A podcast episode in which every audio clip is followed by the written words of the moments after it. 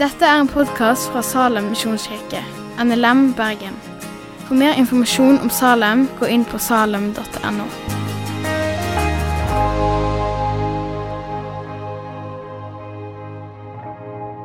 Vi skal, Hvis du har med deg Bibel, det håper jeg du har, enten i analog form, sånn som det er her, eller i digital form, så kan du slå opp i 2. Korinterbrev kapittel 5. Da skal vi lese to vers. Og Det er 2. Korinterbrev kapittel 5, vers 14 og 15. Hvis at du er så heldig at du har vært på kristent møte før, så har du sannsynligvis hørt her versene. Så skal vi lese dem, og så skal vi skulle si, ikke komme tilbake til dem. det skal vi, Men vi skal komme tilbake til her versene helt på slutten av det jeg skal, når jeg, nesten når jeg er ferdig å snakke. Så leser vi 2. Korinterbrev kapittel 5, vers 14 og 15. For Kristi kjærlighet tvinger oss. Vi vet at én er død for alle. Derfor er de alle døde. Og han døde for alle, for at de som lever, ikke lenger skal leve for seg selv, men for ham som døde og sto, opp for dem. Da skal vi komme tilbake til verset, litt, de to versene litt senere. Før vi går videre, eller når vi går videre, så skal jeg stille et spørsmål. Hva gjør unge mennesker ofte når de vil bety en forskjell? Jo, mange starter et rockeband. Jeg har noen bilder av meg sjøl som langhåra, pierca 15-åring. Det viktigste med rockebandet vårt var ikke at vi var flinke å spille, det var navnet. Bandnavnet er jo det viktigste. Er Det mange her som har spilt i rockeband, så vet dere at bandnavnet er det viktigste av alt. Så nå skal vi fortelle om et rockeband. Det, vil si, det var ikke et rockeband som ble starta, det var lenge før rocken var oppfunnet. skulle du si. På, på 1700-tallet, Helt på begynnelsen av 1700-tallet så var det en gutt som var foreldreløs. Han eh, var sendt på en skole for foreldreløse barn. Så han øh, gikk der. Kostskole. Han var vel fem år tror jeg, da han kom dit. Gikk der hele barndommen sin. Og som tenåring så hadde han et, øh, han hadde et møte med Jesus. Vi er i Tyskland. Uh, og vi er i en by som heter for Halle. Der var det en, en, en som heter for Franke til etternavn, som hadde starta en kostskole for foreldreløse barn. Og den gutten her han gikk på den skolen. Ikke bare at han var foreldreløs, det høres ut som han var veldig fattig. Han var egentlig søkende rik, for han var født som greve. Så han var ikke på en måte sånn fattig gutt. Han var veldig velstående, egentlig. Men så hadde han det her møtet med Jesus. da. Og det begynte med at han sto, eh, han sto foran et gedigent maleri. Han var i, i, i Frankfurt og besøkt museum som en del av skolen. Og så ser han et gedigent maleri i, i, i eh, i museet, og så er det bilde av den korsfesta Kristus som henger på korset. Navnet på maleriet på norsk er 'Se denne mann', eller 'Se dette mennesket'. Og så henger Jesus på korset, og så står denne unge gutten, ung tenåring, så står han foran bildet, og så møter Gud han dramatisk der han står og ser på Jesus korsfesta. Og så står det en tekst nederst på bildet. Og teksten er som følger.: Dette gjorde jeg for deg. Nå, hva vil du gjøre for meg? Og så tenkte denne gutten at da, nå må jeg legge ned livet mitt, siden han la ned sitt liv for meg først så fortelles det at gutten han eh, fikk seg et sånt um, bønnested. Det var oppe i klokketårnet i den evangeliske kirken der i Halle. Og Der satt han og så skrev en hånd, og så skrev brev på sånne små lapper til Jesus. Så kasta han dem ut som papirfly ut av klokketårnet. Det var hans måte å be på.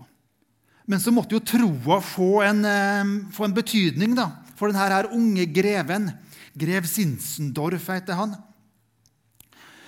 Grev Sinsendorf ville ikke bare skrive kjærlighetsbrev til Jesus, han ville også bety en forskjell. Så dermed starta han et band. Han fikk med seg tre andre gutter fra kostskolen. Og så sa de at nå skal vi forandre verden. Og ikke bare at De skulle starte et band, de kjøpte seg blant annet, og de var så irritert, for var så, Biblene var så forferdelig dyr. Og kristne bøker var så forferdelig dyrt, så de kjøpte seg rett og slett et, et trykkeri. Var 15 år. Kjøpte seg et trykkeri, og så trykte de Nye testamentet og traktater og enkle bøker, og så ga de dem ut. For at folk måtte jo få Guds ord. 15 år. Og så måtte de jo starte det her bandet sitt, for de skulle jo forandre verden. Og den natta, eller den kvelden de skulle starte bandet sitt, så var de sammen en hel natt, en hel kveld og en hel natt i bønn og faste. Og så hadde han forberedt seg. Grev Sinsendorf hadde forberedt kvelden. Han hadde laga en ring. For De skulle jo ikke bare ha et band, de skulle også starte en, en orden. Hvis du vet hva en orden er, så høres det litt sånn skummelt ut. ok? Dette var veldig vanlig på den tida. De skulle starte, de var nesten som en pakt de her 15-åringene inngikk. Så på ringen grev Sinsendorf hadde kjøpt til seg sjøl og til de tre andre. På innsida så sto det 'Ingen skal lenger leve for seg selv'. For det er det vi som gjerne vil. 'What's in this for me?' Og så ville de gå i motsatt ånd. Og så sa de det, ok, siden det er et, et band, og vi har en trykkeri, og vi skal forandre verden, så må vi jo ha noen regler i ordenen vår, i bandet vårt. Så de kom opp med tre regler. Det var ikke så veldig kompliserte regler. Første regelen var vær vennlig, eller vi skal være vennlig mot alle mennesker. Regel nummer to vi skal lyde Jesus i alle ting. Og regel nummer tre den var veldig radikal. For det var noe som ingen før, nesten ingen andre hadde gjort på 200 år i den protestantiske kirke. Men den 15-åringen han sa det at vi skal ta evangeliet til alle verdens folkeslag. Denne her eh, ordenen, eller bandet, om du vil, de skifta jo navn mange ganger. Du måtte jo finne det kuleste bandnavnet. Til slutt så endte de opp med følgende bandnavn. Den ærbare ordenen av sennepsfrøet. ikke det et kult bandnavn? Det er en fin headliner i bandet deres, som ble mye mer enn et band. Det var jo et trykkeri, og det var jo evangeliseringsteam. Da Sinsendorf var 18 år, 19 år og 21 år, så begynte de å ta inn flere mennesker i gruppa si. Og, og et par tiår seinere så var kongen av Danmark blitt medlem. Um, Innenriksministeren i Skottland var blitt medlem. Direktøren for Høyesterett i Amsterdam hadde blitt medlem. Til og med den katolske erkebiskopen i Paris hadde blitt medlem. Og til og med en, en, en, en Du har ikke lov til å si ordet indianer, men jeg er oppvokst jeg er så gammel at jeg kan si det. En indianerhøvding i Amerika, Tomo Chichi heter han, ble medlem. Det var hundrevis av mennesker som var blitt berørt av de her 15-åringene som hadde sagt at vi skal være vennlige mot alle mennesker. Vi skal lyde Jesus i alle ting, og vi skal gi evangeliet til alle folkeslag. Og alle sammen bar den samme ringen. Ingen lever for seg. Da Sinsendorf var blitt 21 år, da er vi i år 1721. Da, arver, da kjøper Sinsendorf til et stor, en svær eiendom som fins i dag, den er helt øst i Tyskland, på grensa til Polen og, og Tsjekkia. Der kjøpte han til et stort slott, og der bodde han. Og En kveld så banka det på døra til grev Sinsendorf. Og Da er det noen familier fra, fra, Tsjekkia, dagens Tsjekkia, som banka på døra. De ble forflukt, for de var nemlig protestanter. Og så ble de forflukt av den katolske kirke. Så de banka på døra og spurte kan vi få lov til å starte en kristen en, et fellesskap, en kommunitet, på din eiendom. Og så sier Sinsendorf at ja, vi skal jo være vennlige mot alle mennesker. Så de tok imot innvandrerne. Og Så gikk det noen år, seks år, gikk det, og så brøt det ut en voldsom vekkelse i august 1727 på den eiendommen. Da var det noen hundre mennesker som bodde der. Guds ånd bare kom. Og fram til da da var Sinsendorf blitt 27. Fram til da så hadde de ikke sendt noe særlig mennesker ut i misjon. Men etter at vekkelsen kom, så begynte de å sende misjonærer. De sendte misjonærer til Grønland. De sendte misjonærer til, til, til Amerika, til India, til vestindiske øyer, Karibien. Fra den landsbyen i løpet av én generasjon så sendte Sinsendorf ut flere misjonærer enn 200 år med protestantisk kirkehistorie før dem. Fordi at noen tenåringer hadde bestemt seg for å følge Jesus. Og Så skulle de leve tett på hverandre. Så skulle de være vennlige mot alle mennesker, være lydige mot Jesus i alle ting og ta evangeliet til alle folkeslag. Så fortelles det en historie om at Sinsendorf var i England, og så møtte han en slave. For her, På den tida var jo slavehandelen gedigen. Det britiske imperiet var på vei opp. Det britiske imperiet hadde gjort seg avhengig av slavehandelen i, i Karibien, hvor de da plant, drev med sukkerplantasjer. Så sendte de båter fra England til Afrika, kjøpte opp eh, mange mennesker. Tusenvis, titusenvis av mennesker ble flakta fra Afrika til bl.a. Karibien for å arbeide på sukkerplantasjene til England. Og så er det en slave som opprinnelig kommer fra Afrika, som har blitt kjøpt fri i Karibien, som har kommet til England. Og I England så møter grev Sinsendorf denne slaven. Og Så viser det seg at slaven han tror på Jesus. Han har blitt frelst. Så sier slaven det at på våre i øyene i Karibien, St. Thomas f.eks., eller, eller de andre øyene, så får ikke vi som slaver vi har ikke tilgang på evangeliet, for vi får ikke lov til å gå i kirka. Det er kun for de hvite. Og Det berører hjertet til Sinsendorf. Så Sinsendorf begynner å forkynne behovet for å gi evangeliet til slavene. For De har ikke tilgang på evangeliet, for de er utestengt. Så prøver han å sende misjonærer til slavene i Karibien. Men så sier alle sier nei. Dere får ikke lov. Dere får ikke tilgang på slavene våre. Så sier Sinsendorf at ja, men eh, hvis at du sjøl blir slave, da, har du da mulighet? Ja, vi kan kjøpe det som slave. Da, du, da har du tilgang. Så begynner Sinsendorf og så begynner de å forkynne behovet. Og så er det to unge tyske gutter i begynnelsen av 20-åra. 21 år, 22 år. Leonard Dober, David Nitschmann. De selger seg sjøl som slaver til et britisk slavehus. Så fortelles det at de står på kaia i England og så har han blitt ført om bord i et slaveskip. Og så er det mange av Sinsendorf der, og vennene til Sinsendorf står på kaia. Og før båten skal frakte seg eller ta av gårde, så, så roper Leonard Dober ut følgende May the lamb that was slain receive the reward of his suffering. Med andre ord må lammet som ble slakta. Må lammet som ble slakta, motta sin lønn for sin lidelse. Og det som Leonard i begynnelsen av 20-åra ropte ut over kaia fra båten da han ble solgt som slave for å reise til St. Thomas i Karibien det ble stående som slagordet for hele vekkelsen som Sinsendorf leda. Og det gikk tilbake til det bildet Sinsendorf så som tenåring, når han så Kristus på korset. Når han sto på museet i, i Tyskland og fikk et møte med Jesus, for han så Jesus Kristus hang på korset og døde for all verdens synd. Han så lidelsen.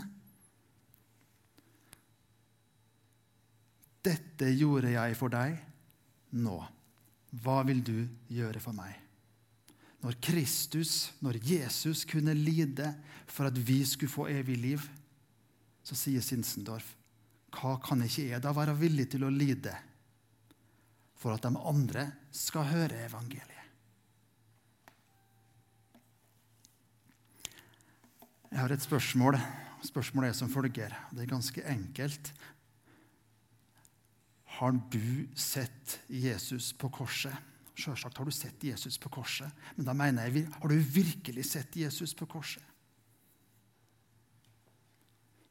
Eller eh, kanskje har du sett Jesus på korset, men så har bildet blitt litt sånn uklart.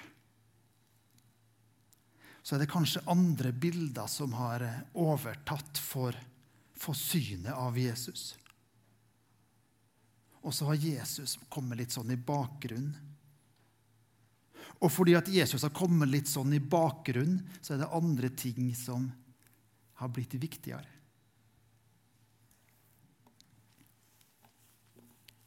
Jeg har lyst til å slå fast en greie. Jeg skal komme tilbake til det med korset. Enkel lydighet til Jesus kan forandre alt enkel lydighet kan forandre alt. Så tenker du kanskje ja, hvorfor skal jeg være lydig?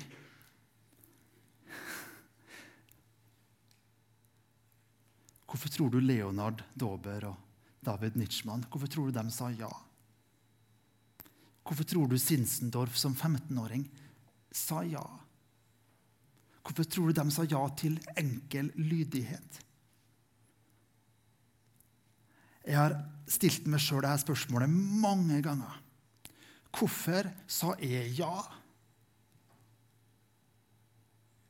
Jeg husker den, den, dagen jeg sa ja til å følge Jesus resten av livet mitt. At Jesus skulle ikke bare være frelser, han er jo frelser òg, men han er først og fremst Herre. Det valget jeg tok, det har fulgt med hele livet.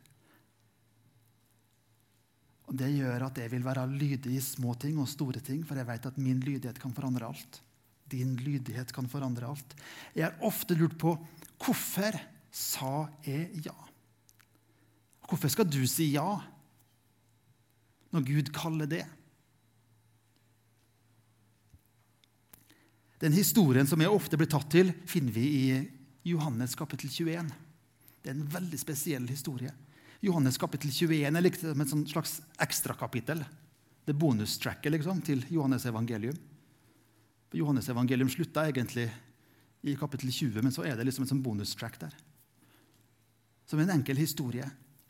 Du kan slå det opp hvis du vil. Men jeg skal, jeg skal, fortelle det. Jeg skal lese et par vers, men jeg skal fortelle historien. For det begynner jo med at Peter og vennene til Peter de var jo fiskere. Og når Jesus var død, de hadde møtt ham, han var stått opp, så sier Peter til guttene sine, til vennene sine at gutta, nå drar vi og fisker. Blir dere med? Og så blir de med Jesus. Og så fiska de, og så fiska de en hel natt uten å fått noe som helst. Og jeg ser det for meg. Johannes var der, Peter var selvsagt der, og, og de andre var der. Og du kan tenke deg, du har liksom vært ute en hel natt, og det er helt mørkt. Du har kanskje et bitte lite lykt med det. Og så begynner det akkurat å bli lyst. Det er helt blikk stille. Det er tåke på, på, på, sjøen. Og akkurat i det øyeblikket, når lyset begynner å overvinne mørket, så begynner de å dra opp garnene sine. Det er helt stille. Alle er trøtt. Alle er lei. Det er liksom, de har ikke fiska på tre år. Dårlige, dårlig fiskere. Ikke fått noe som helst. Så begynner de å sakte, men sikkert bevege de seg inn mot landet. og Så er de et godt stykke fra land, og så ser de en mann som står der. Og Så roper mannen, 'Gutta, har dere fått noe fisk?' Så får Peter et sånn déjà vu. For Det samme skjedde jo for tre år siden. Den historien kan du lese i Lukas kapittel 5. Da de òg fiska uten å ha fått noe. Og Da sto det òg en mann på stranda og lurte på om de hadde fått fisk. Så skjer det samme tre år etterpå. Nei, vi har fiska hele natta, vi har ikke fått noe som helst, sier de. Så roper mannen fra stranda. Ja, men kast garnet på høyre side, da! Og jeg tror, uten at noen, uten at teksten sier det, men jeg er ganske sikker på at alle i båten forstår at det er Jesus. Så kaster de garnet på høyre side, og så blir det masse fisk. Og så er det Johannes, den yngste, han som kanskje ikke forstår de relasjonelle kodene. Men han, Han sier i hvert fall det som alle tenker, men ingen tør si. Det er Jesus. Det er Herren, sier han. Så tar Peter og kaster seg over bord og svømmer inn til land. Og så får Peter og Jesus noen minutter. En halvtime, kanskje. Vi vet ikke. Time. Et kvarter. Vi vet ikke. Peter og Jesus får litt tid alene på stranda. Så snakker de om det vanskelige, om det gode. Peter hadde jo nettopp fornekta Jesus.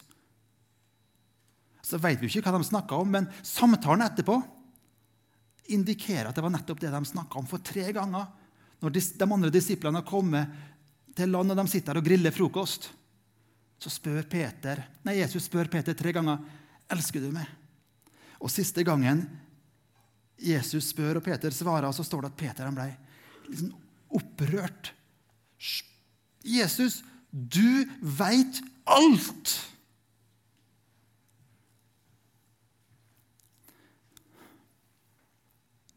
Og Så leser vi fra vers 18, kapittel 21. Sannelig, sannelig, jeg sier deg. Når Jesus sier liksom 'sannelig, sannelig' to ganger, da kjenner du noe viktig. Da du var ung, Peter, sier han, da bandt du beltet om deg og gikk dit du selv ville. Og så med andre ord, Jesus bekrefta hvem Peter er. Peter, du er en stabukk. Ingen kunne fortelle hva du skulle gjøre og ikke gjøre. Du gjorde bare dine egne ting. du. Peter, du var den som alltid snakka før du tenkte. Du var alltid den som snakka høyest, du var alltid den som snakka først, og du var lederen i flokken. Og du var sjef i ditt eget liv. Og som andre ord, Da du var ung, så bandt du, beltet om deg sjøl, og ingen kunne fortelle deg hva du skulle gjøre eller ikke gjøre. Men, legg Jesus til, men når du blir gammel, skal du strekke ut hendene dine og en annen skal binde beltet om deg og føre deg dit du ikke vil. Med andre ord, det har skjedd et skifte i Peters liv.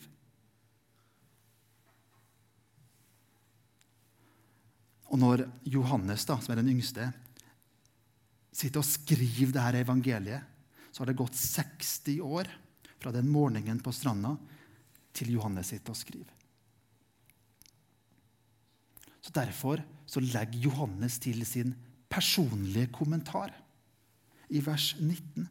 For han visste nemlig hva som kom til å skje med Peter. Så skriver Johannes da 60 år seinere Dette sa han for å gi til kjenne hva slags død Peter skulle ære Gud med. For Johannes, når han skriver der, her, så visste han det at 30 år tidligere 30 år etter historien på stranda, eller par og 30 år etterpå, så var Peter blitt lederen for den nye kirka. Han bodde i Roma, eller han var i hvert fall ført til Roma. Var sammen med kona si. Så forteller legenden, ikke Bibelen, men legenden forteller det at Peter han ble fengsla under keiser Nero. Keiser Nero, midt på 60-tallet, en gal keiser. Keiser Nero var han som satte fyr på Roma by for å kunne skylde på de kristne. Keiser Nero var han som hadde hageselskap og tok kristne levende, dynka dem med olje og satte fyr på dem og brukte dem som fakler på sine hageselskap. En gal mann. En tyrann. Keiser Nero hadde fanga Peter for at han var lederen for denne nye religionen.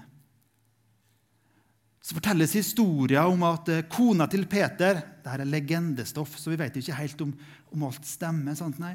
Men så forteller legendene at kona til Peter ble korsfesta først.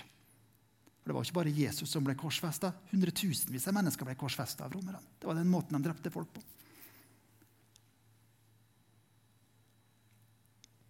Så får Peter valget om at eh, hvis du fornekter Jesus, så kan kona komme ned fra korset. Så sier kona nei. Og etterpå så blir Peter korsfesta. Men Peter sier det at jeg kan ikke bli korsfesta på samme vis som Jesus, min Herre. Dere må korsfeste meg opp ned. For jeg er ikke verdig til å dø på samme vis som min Herre. Så blir Peter korsfesta opp ned, for han ikke ville fornekte Jesus for fjerde gang. Alt det her veit Johannes når han sitter i, i det vestlige Tyrkia, i byen Efesus sannsynligvis, og skriver sitt evangelium. Og jeg har ofte tenkt på denne morgenen på stranda. Når Jesus sier 'Elsker du meg?' tre ganger. Og Peter sier, 'Du veit alt. Du veit at jeg har det, kjær.' Så sier Jesus, 'Kom og følg meg'. Kom du og følg meg. Med andre ord enkel lydighet. Kom og følg meg. Og Spørsmålet mitt er som følger hvorfor? Hvorfor kunne ikke Peter denne her morgenen bare sagt Jesus, eh, det var et veldig raust tilbud. Det, det er forresten et veldig dårlig tilbud. Men takk for tilbudet, Jesus, men eh, nei takk. Nei takk, Jesus. Du krever for masse.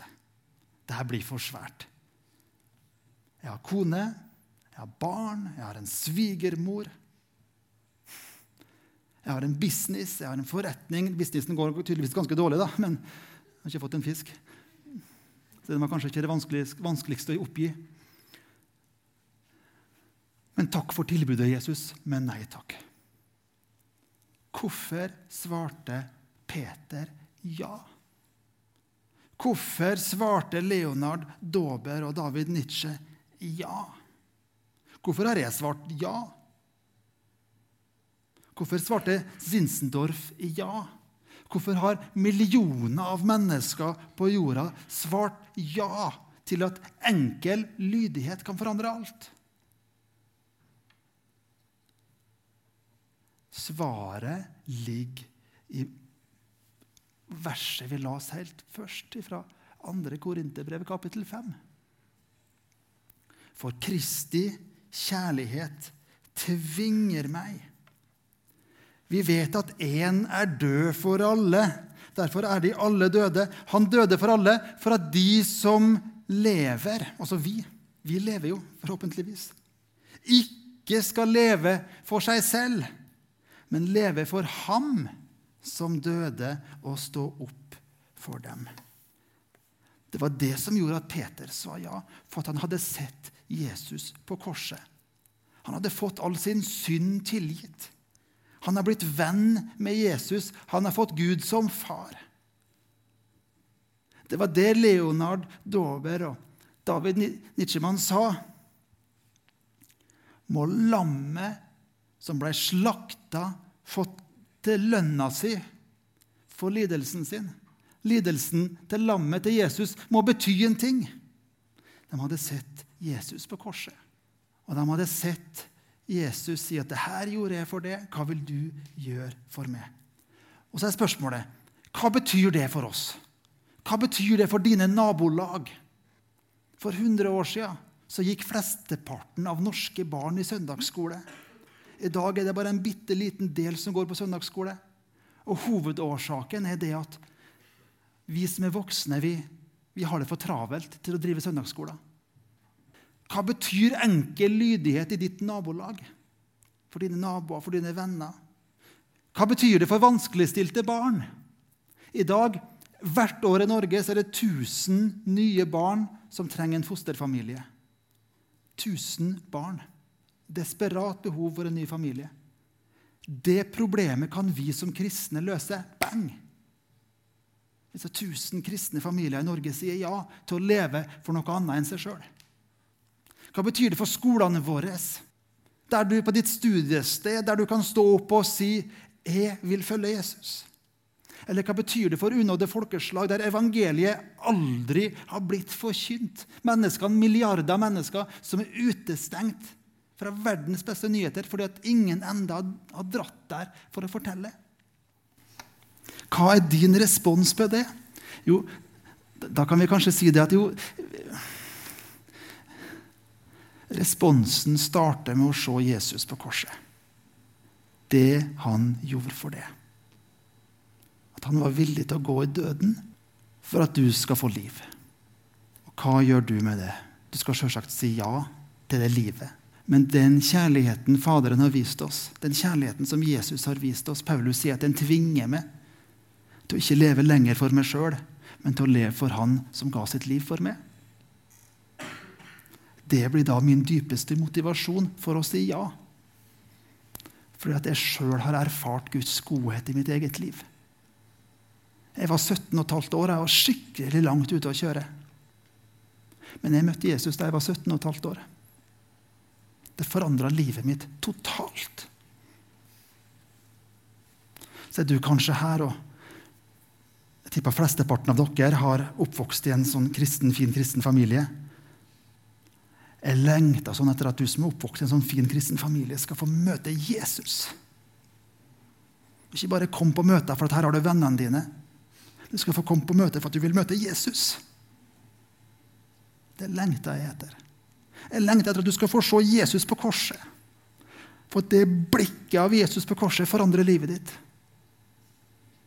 Som gjør at ikke du kan leve lenger for deg sjøl, men du må leve for Han som ga livet sitt for det. Nå skal vi straks ta og slutte. Men dere som leder lovsang, kan ikke dere komme fram? Så skal vi ta oss og be inn til forbønn for den som har lyst til å bli bedt for. Det er et rom der inne som døra er stengt, men den må jo bli åpna, sjølsagt så, så, kan du få gå inn der og bli bedt for hvis du har lyst til å kjenne at ja, jeg trenger å bli bedt for.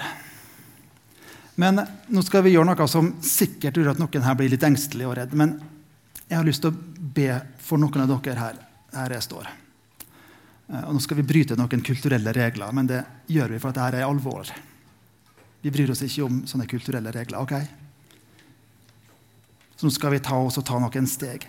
Du som... Eh, du som sitter her og så kjenner du at å, jeg trenger å møte Jesus. Jeg trenger å se Jesus på korset. Han har havna på avstand, han er blitt usynlig eller bare blurry, og jeg ser alt annet som er foran. Hvis du tenker meg, nei, jeg, jeg, jeg, vil ikke ha det sånn, jeg vil se Jesus korsfesta, så skal du få lov til å reise deg nå, og så skal jeg ta og be for deg. Så er det sikkert imot alle kulturelle greier her i salen, men det bryr vi oss ikke om nå, for dette er et alvorlig valg. Kan du få lov til å reise deg opp og si at 'jeg vil se Jesus'? Det er viktigere for meg enn alt annet. Du å reise deg opp, og så skal jeg ta og be for det. Så at Jesus har havna litt på avstand for det, så skal du få til å stå opp og så skal du få lov til å se Jesus. Så skal jeg be om at du får lov til å se Jesus. Det er noen til, helt sikkert. Jeg trenger en forandring i mitt liv. Jeg vil ikke lenger leve sånn som jeg gjør. Jeg vil se Jesus. Jeg vil omvende meg fra det jeg driver med. Si nei til syndene og si ja til Jesus. Si ja til Jesu tilgivelse. Kjære Jesus, vi ber om at den som har reist seg, skal få lov til å se hvem du er. Skal få lov til å se at det er gale, det har du tatt. Jeg har lyst til å si at skam du, du, trenger ikke bære på skam lenger, for at Jesus har tatt ikke bare synda di, han har tatt skammen din. Og jeg har lyst til å si til deg at Legg skammen ifra deg, for den har Jesus tatt på seg. Da han hang naken på korset, så var det veldig skamfullt. Den største skammen et menneske kan få. Skammen som du føler på, den har Jesus tatt. Skylda har Jesus tatt. Jesus, jeg ber nå om at du skal åpenbare det for dem som står. Takk, Jesus. Vi ber om at din helbredende kraft for sjuke hjerter, far, skal strømme gjennom her. Slik at du, Jesus, skal bli synlig når du henger på korset og tar all verdens synd. At sannheten i evangeliet, at du er god og du har forsona hele verden med deg sjøl, Jesus. Da du døde på korset med ditt blod, så har du tatt bort vår synd. La det bli en sannhet, Jesus, for alle dem som står, slik at de ser det. Kom, Hellige Ånd, og gjør det. Det er du som må gjøre det, Hellige Ånd. Det er ikke jeg som kan mane fram noe. Det er du som må gjøre det. Så vi ber om det nå, Jesus. Åpenbar deg sjøl. Du som kjenner det at ja, jeg har lyst til å leve sånn at mitt liv skal bety noen forskjell for andre. Jeg, jeg tror på at enkel lydighet kan forandre alt. Min enkle lydighet i små ting og i store ting kan forandre alt. Så er du kanskje for redd til å si ja, for du vet ikke hva det betyr. Nei, det vet ikke jeg hva det betyr heller. Det må du finne ut av sjøl. Men du har lyst til å si ja. Sjøl om ikke du vet hva det betyr. Du har lyst til å si ja før du vet detaljene i hva det innebærer. Vær så god å stå, så skal vi ta oss og be for det òg. Vi ber Hellige Ånd at du skal utruste til tjeneste. Vi ber for menneskefrykt, Frykt for hva mennesker tenker eller mennesker sier, må du ta det bort. Og Dere som kjenner på frykt for mennesker er større enn gudsfrykten, ta det bort. Du kan omvende fra det, og så kan du begynne å ta enkle valg. Kjære Jesus, altså. Kom, du Hellige Ånd. Vi ber om at du, Hellige Ånd, skal, skal døpe med, med ild og med kraft. Så ber jeg om tro, far, på at enkel lydighet kan forandre alt. I små ting og i store ting. At vi skal få lov til å si som Jesaja, at 'Herre, her er jeg, send meg'. Kom du, Hellige Ånd, så sender vi dere ut i verden. Til deres studiesteder, til deres arbeidsplasser. Sender dere ut med kraft og med glede. Så ber vi Hellige Ånd at du skal møte oss. Du kom, Hellige Ånd. Vi lengter etter at du skal komme, far. Vi lengter etter at du skal komme. Lengter etter at du skal berøre oss. Vi lengter etter å se at du skal vise deg sjøl på korset, far, for oss. Hvor du døde i mitt sted. Hvor du var villig til å dø istedenfor at jeg skulle dø, men at jeg skal få leve. Kom, du, den oppstøde og den oppstandende Kristus Jesus. Takk for at du har hørt på podkasten fra Salem, Bergen. I Salem vil vi vinne, bevare, utruste og sende, til Guds ære.